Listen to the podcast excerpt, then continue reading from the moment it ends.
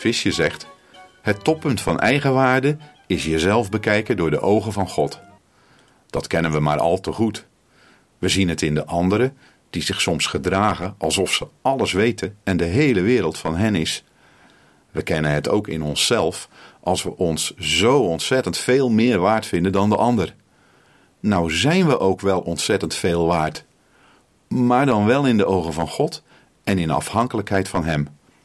De Bijbel zegt daarover in Psalm 8, vers 6 en verder: U hebt de mens bijna een God gemaakt, hem gekroond met glans en glorie, hem toevertrouwd het werk van uw handen. Als je dat van jezelf zegt, maar je vergeet daarbij dat je volkomen afhankelijk bent van God, dan bekijk je jezelf door de ogen van God. En dat is het toppunt van arrogantie.